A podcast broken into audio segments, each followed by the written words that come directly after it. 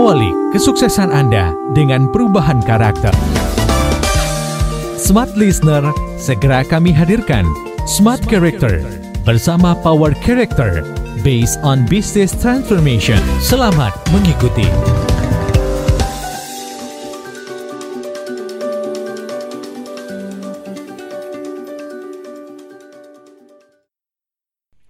Smart Listener dan juga sahabat sonora yang bergabung bersama dengan kami malam hari ini kami eh, sedang membahas mengenai satu topik leadership true purpose life bersama dengan Mas Harmoni, ya. Mas Konan, Mas Hans dan juga Mbak Tiffany ya. Nah, saya mau ke Mas Harmoni dulu begitu ya. Ya, baik apa sih kaitannya leadership dengan dengan tujuan hidup begitu? Apa itu nggak bisa ya udah memimpin memimpin aja? Apa kaitannya memimpin perusahaan organisasi itu dengan tujuan hidup, Mas? Baik, jadi uh, saya memilih juga kita memilih topik pada malam hari ini karena hari-hari ini tantangannya untuk memimpin tuh lebih sulit Maula. Ya apalagi memimpin generasi milenial ya. Generation gap yang selalu uh, ada pada di perusahaan. Mau nggak mau generasi yang penerus adalah generasi milenial. Dan generasi penerusnya adalah generasi Y. Hmm. dan bagaimana kita memimpin itu sangat mempengaruhi organisasi apa pun yang kita kerjakan. Okay. ya berkaitan dengan kepemimpinan semua orang bisa jadi pemimpin. Bisa. Okay. Ya namun pemimpin yang menginspirasi pemimpin yang uh, pemimpin yang mampu dipandang pemimpin yang uh, mampu memberikan pengaruh itu yang jarang Mbak Ola. Nah, oleh sebab itu sangat penting untuk salah satu faktor yang paling penting sebagai pemimpin yang baik adalah life purposes, tujuan hidup. Seorang pemimpin yang baik harus memiliki harus memiliki tujuan. Mm-hmm. Kalau tidak memiliki tujuan, waduh, apalagi memimpin generasi Y yang saat ini ya, mm-hmm. sulit Ya saya bahas dulu juga tentang sedikit ya tentang generation gap ya. Kalau generasi baby boomers zaman yeah. dulu itu pekerjaan itu uh, manusia banyak sekali. Yeah. Ya. Jadi sangat sulit untuk mencari pekerjaan. Dapat pekerjaan aja udah bersyukur. Ya, sama saya ketemu generasi baby boomers yang sekarang jadi pengusaha-pengusaha hebat. Mereka kerja apa aja maulah yang penting mereka bisa ya? makan. Pada saat iya, itu ya? mau jualan es lah, mau jualan bakmi, mau jualan bahkan ada yang apa ya nyolong nyolong gigi orang buat ditambel di gigi orang lain gitu ya. Itu bisa. Nah yang nah saking tantangannya berat itu berbeda dengan generasi yang saat ini yang sangat terbuka dengan uh, internet dengan sosial dengan informasi yang begitu luas. Itu menyebabkan generasi saat ini jadi jadi berbeda sekali tantangannya. Kalau zaman dulu mereka bekerja untuk uang nggak masalah. Kalau zaman sekarang waduh kalau bekerja tanpa tujuan saya saya ini kerja buat apa toh kok nggak ada meaningnya waduh orang-orang bisa keluar mm-hmm. ya apalagi generasi milenial nggak kuat kalau misalnya bekerja nggak ada tujuan maksudnya apa ya terus uh, lingkungannya nggak bagus wah dia langsung resign biasanya Oke, okay, oke. Okay. Ya itu tantangannya oleh sebab itu. Yang sekarang ya. Betul, kita perlu membahas bahwa salah satu apa ya ilmu yang selalu turun menurun dari zaman dulu ya itu sampai hari ini terus ada yaitu memimpin dengan tujuan mm-hmm. ya bukan hanya sekedar tujuan tapi tujuan yang timbul dari dalam mm-hmm. dari dalam hati ya tujuan yang murni tujuan yang uh, tujuan yang ber, berdampak bagi orang lain, tujuan yang bermanfaat bagi orang lain sehingga itu dapat menginspirasi orang lain. Baik, Mas Harmoni, uh, bukankah dan juga Mas Konan, Mas Hans, Mbak Tiffany ya, bukannya uh, ujung-ujungnya ketika seseorang diminta untuk memimpin, apakah itu di dalam uh, keluarga kah gitu ya? Ini ujung-ujungnya adalah supaya bisa me, artinya memiliki putra-putri yang berprestasi begitu ya?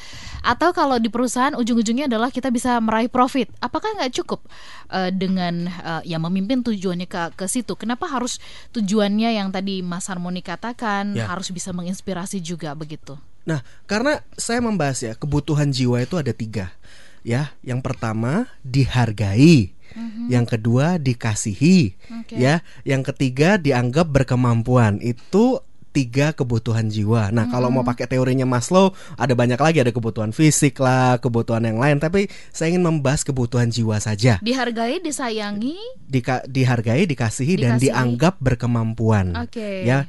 Jadi kalau dianggap berkemampuan itu maksudnya dia dikasih kesempatan ya, mm-hmm. dihargai itu diapresiasi ya, dikasih itu dikasih perhatian gitu. Nah, mm-hmm. memang uh, tantangannya untuk generasi saat ini mereka butuh hal-hal itu ya mereka membutuhkan uh, mereka membutuhkan bahwa pemimpin yang care Ya. Ya, generasi baby boomers mungkin Anda belum terbiasa untuk ngapain sih care-carein orang kan saya bayar kamu gitu kan. Betul, nah, betul. nah, jadi eh, mereka ya, kerja kerja aja lah kan saya kamu saya bayar gitu. Nah, nggak bisa sekarang. Jadi pe- jadi pemimpin yang sekarang itu perlu memahami karakter dan talenta setiap orang-orangnya. Nah, kalau enggak, kalau enggak mereka mereka dapetin itu mereka cari tempat lain untuk bisa dapetin hal itu loh. Ya, kenapa? Karena mereka kita terbiasa untuk generasi milenial saat ini, mereka dapat penghargaan dari mana? Dari sosial media, Instagram lah. Dengan memberikan likes. Iya dengan begitu memberikan ya. likes ya, mereka update status gitu ya, foto selfie ya. Jadi itu ada hormon endorfin, eh, hormon dopamin yang mereka dapatkan dari likes. Oke. Ya mereka dapatkan semuanya instan, semua dari sosial media. Atau kalau sedang meng- mengeluh dan sebagainya ada yang nanyain ya di medsos ya. Nah, curhat Kamu di situ. apa? Kenapa? Nah, Gitu-gitu betul. Jadi itu membuat jadi generasi saat ini nih ekspektasinya juga terlalu tinggi. Ya mereka juga kalau nggak nggak suka langsung komplain di sosial media gitu ya. Nah, itu membuat jadi eh, perlu tantangan baru saat ini. Jadi tantangan yang dinamis untuk perubahan zaman yang saat ini Seperti ya. sekarang ya. Iya. Oke, saya mau ke Mas Conan ini ya. Eh, ketika saya melihat Anda memimpin eh, dalam sebuah eh, seminar kah atau Hmm. apa begitu ya. Ini beberapa kali saya catat ada catatan yang penting tuh yang Mas Conan katakan. Kalau orang nggak mengerti proses biasanya suka protes. Iya, Ya, benar ya? iya. Nah, emang nggak bisa kalau kita memimpin itu, eh kalau menurut anda dalam sebuah kepemimpinan proses apa yang harus dimiliki atau didahului atau dilewati lah untuk seseorang bisa menjadi pemimpin yang yang yang eh, inspiratif. Ya, jadi kepemimpinan itu hidup ini adalah sebuah proses step by step by step by step by step. Tuhan akan membawa kita ke satu tangga kehidupan ke tangga yang lain seperti setapak-tapak naik tangga bukan naik lift. Kenapa Tuhan tidak mengajak kita naik lift cepet? Kalau seperti itu, kita ada di lantai 22, kita nggak siap. Pas ada masalah tumbang. Kenapa? Karena kita nggak melewati proses yang seharusnya. Nah, leadership sama seperti itu. Leadership bukan hanya sekedar posisi, tapi sebuah fungsi, sebuah hati dan itu harus lewat proses. Nah, kalau orang tidak mengerti proses, dia pasti kebanyakan protes. Dia akan mengeluh. Dia akan kalah sama orang-orang yang memulai dari bawah. Ya, jadi penting sekali saya bilang eh, kehidupan ini atau leadership itu ini adalah sebuah tangga proses yang harus dila- dijalani dengan setia. Dan proses ini tidak harus bicara berarti saya harus hidup susah dulu. Enggak. Jalani hidup jangan mengeluh. Oke. Jalani hidup jangan komplain. Yep. Jangan berbantah-bantah, jangan bersungut-sungut, jalani aja yang di depan mata. Don't quit, never give up. Kenapa? Oke. Kalau kita don't quit, never give up, itu pintu the next level sedang terbuka lebar. Mm-mm. Tapi kalau kita mengeluh, mengeluh, mengeluh, ya udah kita pikir, kita maju, kita jalan, tapi jalan di tempat. Mm-mm. Kita pikir ya kita sudah menginspirasikan orang, padahal ya makanya ketika orang bilang ya saya sih sudah pengen breakthrough Conan. Saya bilang emang usahanya udah seperti apa? Saya sudah usaha semuanya pas saya usaha apa? Semuanya pas saya cek itu bukan semuanya itu semaunya. Ya, semaunya aja. Saya bilang kalau Itu beda ya semuanya iya dan semaunya tapi dia ya. pikir semuanya. Nah karena sah gak sah aja karena setiap orang punya standar masing-masing. Ya. Kita harus rise rising your standard. Harus naikin Mm-hmm. standar kita. Ya makanya saya bilang eh, kalau mengeluh kalau bersungut kalau self pity semua orang bisa. Ya. ya kalau banyak istirahatnya daripada aksinya semua orang bisa. Kalau ngomong doang tanpa visi semua orang bisa. Ya tapi kalau mau bicara breakthrough nah kita harus lakukan yang orang lain gak lakukan. Ya harus berani. Nah jadi dimulai dari mana? Dari pembentukan mindset dan pembentukan mental. Oke. jadi mindset itu harus dididik, dibangun main sehingga kita punya sudut pandang, cara pandang yang bijak. Ya, sehingga bisa menginspirasikan orang dan mental itu hanya terbentuk dari proses kehidupan yang dilalui dengan respon yang benar. Wih keren ya. Keren banget. Keren banget loh. Kita sudahi saja apa? Enggak ya belum, belum selesai ya. Nah ini sebentar saya mau ke Mas Hans Yang sangat menggeluti dunia psikologi begitu ya. Ini jauh-jauh belajar ke negeri Paman Sam Dan balik lagi ke Indonesia Karena ingin eh, membantu kita semuanya lebih baik lagi. Tadi eh, Mas Conan mengatakan Stop komplain, stop protes, stop mengeluh dan sebagainya Kan itu manusiawi Mas Hans Kalau kita diperlakukan tidak adil Iya. atau dalam suatu situasi gitu ya tidak menyenangkan dan kita menganggap bahwa ini semestinya saya nggak mengalami begitu. Lalu kita punya respon yang seperti itu bukankah itu natural, Mas Hans? Iya, tentunya punya respon yang em, itu salah satu bentuk yang kita sebut defense mekanisme ya. Jadi eh, mencari sebuah pembenaran atau justifikasi melihat oh kalau ini tidak adil ya otomatis pikiran kita juga berkata ini tidak adil. Kalau ini tidak benar otomatis pikiran kita tidak benar. Jadi itu sifatnya reaksi ya. Tapi kita perlu pahami bahwa berespon benar itu tidak sifatnya tidak reaktif. Kita kita selalu mau belajar yang namanya responsif, Mbak Ola. Jadi kita selalu ya kita yang kita gaung-gaungkan di smart karakter adalah belajar menjadi orang yang responsif, yang di mana ketika kita melihat ada stimulus ya atau trigger yang bikin pikiran kita, oh ini ada kejadian yang nggak enak gitu ya, ini sesuatu yang nggak enak yang saya alami. Nah setelah itu yang menentukan action kita ya itu adalah bagaimana kita memproses trigger itu, kita kita berpikir, kita memproses. Nah, kita memutuskan untuk berespon benar. Misalkan yang orang yang tadi sukanya komplain, saya nggak mau komplain lagi ah, saya mau memilih untuk uh, mensyukuri keadaan yang ada. Misalkan seperti itu. Nah, jadi memang belajar untuk responsif dan bukan reaktif itu adalah latihan seperti itu. Jadi memang saya perlu akui bahwa normal untuk bereaksi um, apa bereaksi bilang oh ini nggak adil ini nggak nggak baik cuman sebenarnya untuk berespon benar kita harus latihan itu sesuatu yang harus dilatih Oke, sebentar saya mau ke Mbak Tiffany. Mbak Tiffany tadi dibilang katanya kita harus responsif bukan reaktif. Contoh reaktif. Contoh reaktif, diinjak terus injak balik. Oh, Oh, enggak iya. ya. Enggak, enggak, diinjak terus teriak gitu. Oh, baik. Itu reaktif. Kalau kita ya. disakiti gitu sakiti balik Iya, begitu ya. Balas iya. dendam begitu ya. Betul, Itu itu betul. contoh yang eh, apa namanya reaktif tuh. Reaktif, ya. Eh bukan reaktif. Eh bener ya reaktif Bener, ya. Reaktif. Reaktif ya. Iya. Pokoknya kalau saya nggak bahagia, dia nggak boleh bahagia. bahagia. Oke. Iya, gitu. Oke, kita kembali dulu ke topik kita berkaitan dengan eh, leadership through purpose life. Nah, tadi eh, saya mau ke Mas Harmoni sebentar. Mas Oke, Harmoni tadi oke. mengatakan bahwa semua orang bisa menjadi pemimpin. Ya, Jadi pem- semua orang bisa menjadi pemimpin. semua Itu orang punya kesempatan untuk jadi pemimpin. semua orang punya kesempatan jadi pemimpin begitu. Tapi kenapa tidak semua orang jadi pemimpin? Nah, ya itu dia masalahnya kan. Selalu ada permasalahan dalam diri, ada yang cenderung menyalahkan diri sendiri dan lain sebagainya. Termasuk saya juga punya pilihan untuk nggak siaran di sini. Jack saya juga punya pilihan untuk nggak memberikan dampak. Kita semua di sini, eh, saya, eh, Hans, Conan, Tiffany, Pak Yakub Ezra, kita semua punya misi di sini. Kita punya visi. Kenapa smart character ada? Kita ingin menginspirasi bangsa supaya mereka kita semua mampu berespon benar. Ya, karena respon itu 100% dikontrol kita loh. Keputusan itu 100% dikontrol kita loh. Kita kalau marah mau pecahin piring, kita kalau memimpin mau memarah-marah, kita memimpin mau diktator itu semua respon kita loh. Itu kita semua yang pilih dan kita rindu karakter bangsa dibangun lewat program Smart Character. Kita rindu ada hidup-hidup yang tran- tertransformasi karena kita rindu kita punya tujuan, kita punya mimpi yaitu banyak orang yang tertolong melalui program ini. Saya yang membuat kita terus maju sampai 16 tahun ini kan cerita-cerita yang ada yang mau bunuh diri, terus dengerin dengerin siaran kita jadi nggak jadi karena Oke. ngerti alasan kehidupan. Ya, ya. Ada juga yang pengen resign, terus telepon kita gitu ya.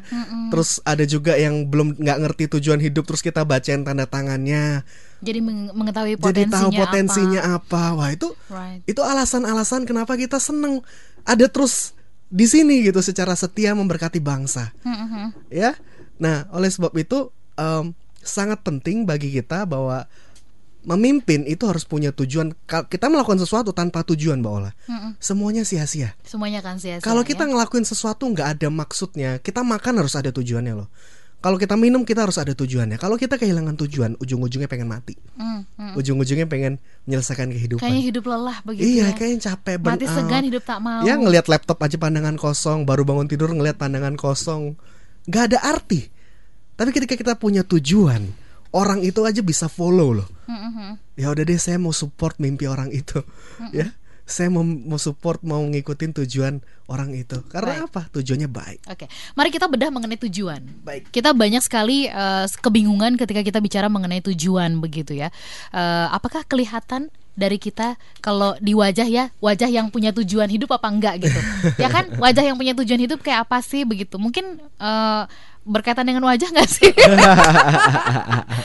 Artinya boleh kayak kita bedah deh ya. Bagaimana kita men-set up tujuan? Yes. Karena banyak di antara kita yang juga bingung. Emang saya berguna ya? Tuhan tuh menciptain saya untuk apa sih? Kita gitu. punya pertanyaan-pertanyaannya untuk Iya, iya. membantu Anda mendiscover tujuan hidup Anda. Oke, mari kita mulai yuk. Oke. Silahkan, Mas Harmoni. Oke, yang pertanyaan pertama ya, apa yang anda eh, temukan identitas diri Anda.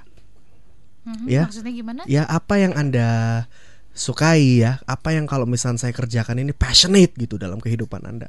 Saya apa yang saya kerjakan itu bisa berapi-api gitu ya. Saya mau ngerjain ini berjam-jam, so saya juga enjoy.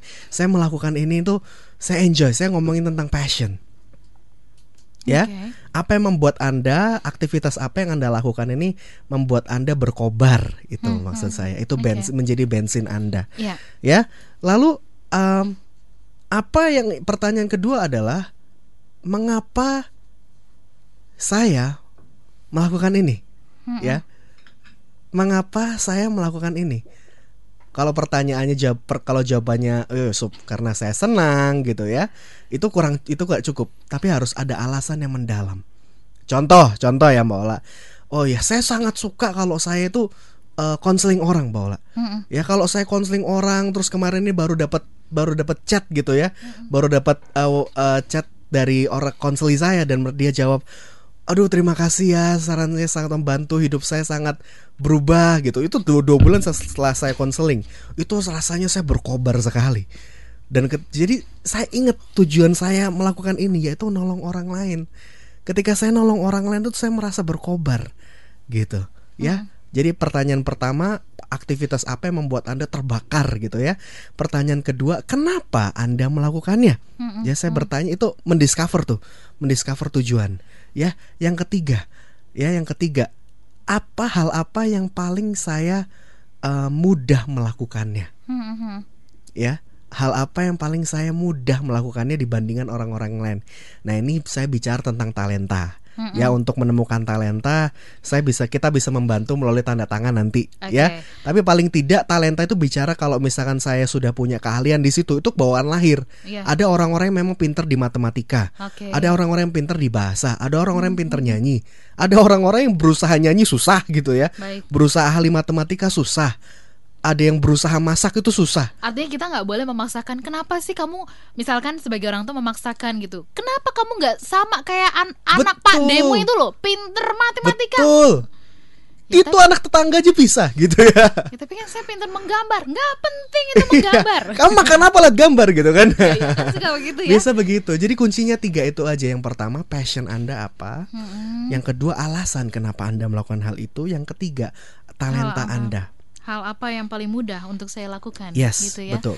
Yang artinya nggak butuh effort yang besar pun kita sudah mengalir kita mampu melakukannya. Ya, ya. ya, itu pertanyaan yang sangat menemukan identitas diri kita, menemukan apa yang kita bisa lakukan, apa yang ketiga menemukan kontribusi hidup kita, apa yang bisa kita kita Tiga hal ini pen- pertanyaan mendasar. Kalau Iya. dari pengalamannya Mas Konan, Mas Hans, Mbak Tiffany, pertanyaannya ini mudah dijawab nggak sih rata-rata? Siapa yang bisa membantu? Mas Hans deh. Eh, sorry, tadi bisa lihat list pertanyaannya lagi? Oke, pertanyaan tadi apa yang anda sukai, yang anda sukai dalam Ah. hidup anda sekalipun berjam-jam dilakukan itu tetap berapi-api begitu oh, ya? berapi-api ya. Pokoknya nggak pulang pun nggak apa-apa deh begitu. Mm. Kayak tim saya gitu ya, ada yang mengerjakan bagian produksi, pokoknya kalau belum selesai dia nggak akan pulang gitu. Oke. Pakai prinsip pemadam kebakaran, pantang pulang sebelum selesai. Iya, iya. Tentunya itu adalah pertanyaan-pertanyaan yang uh, bisa bagus ya untuk dimulai. Maksudnya itu bagus sih untuk dipertanyakan pada diri sendiri ya, untuk terus di di diproses gitu, uh, dipikirkan dan tanyakan pada diri sendiri. Cuman uh, yang mau saya tambahkan adalah mungkin um, proses uh, eksplorasi itu adalah proses seumur hidup menurut saya ya. Terus terus dilakukan gitu. Jadi memang purpose itu bukan berarti yang kayak langsung oh saya langsung tahu maunya apa. Saya langsung tahu eh, saya harus eh, hidup ini tujuan akhirnya saya mau mencapai ini seperti itu.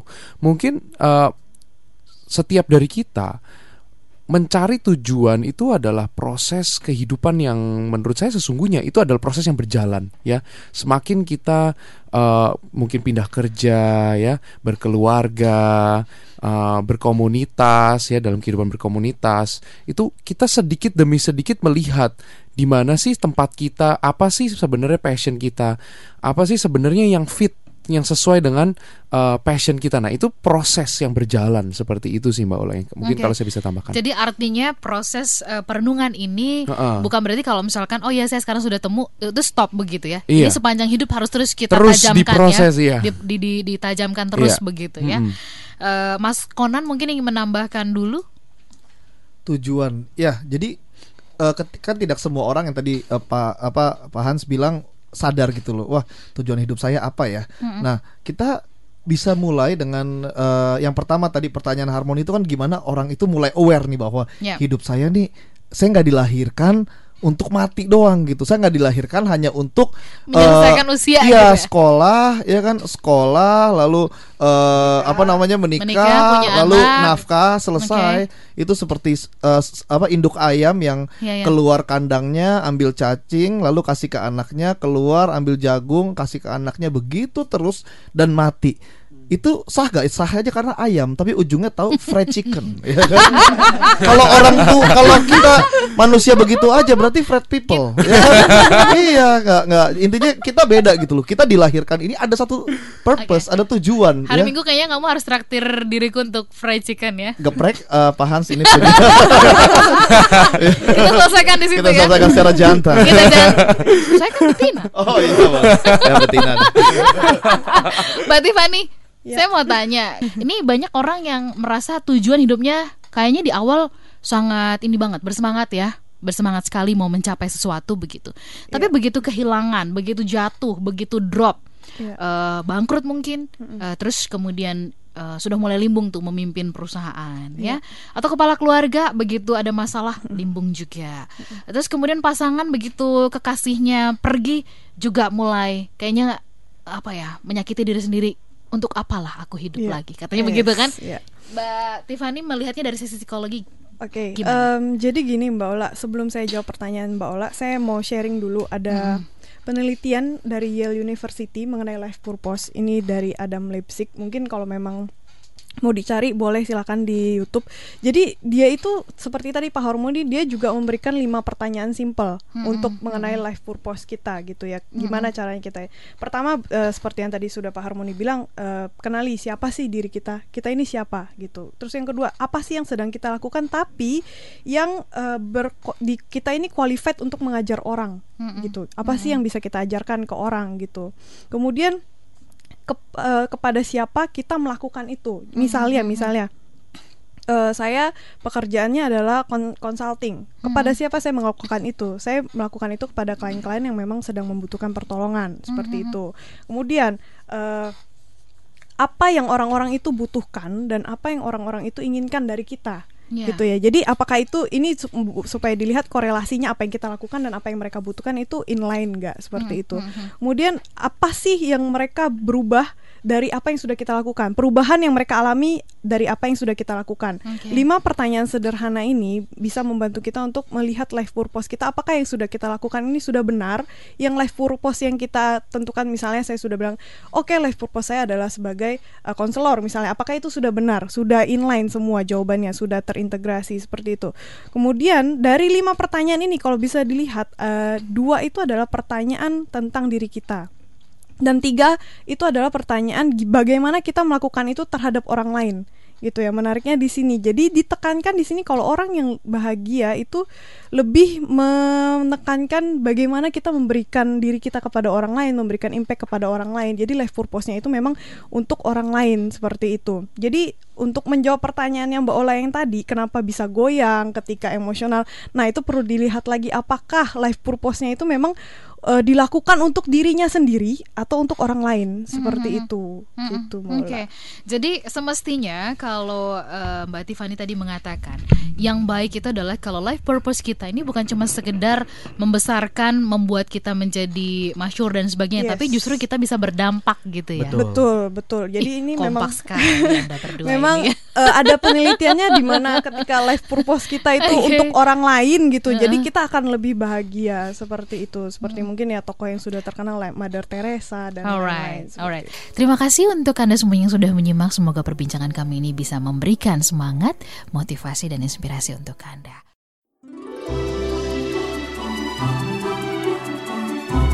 Baru saja Anda menyimak Smart Character bersama Power Character based on Business Transformation. Awali kesuksesan Anda dengan perubahan karakter. Terima kasih dan sampai jumpa.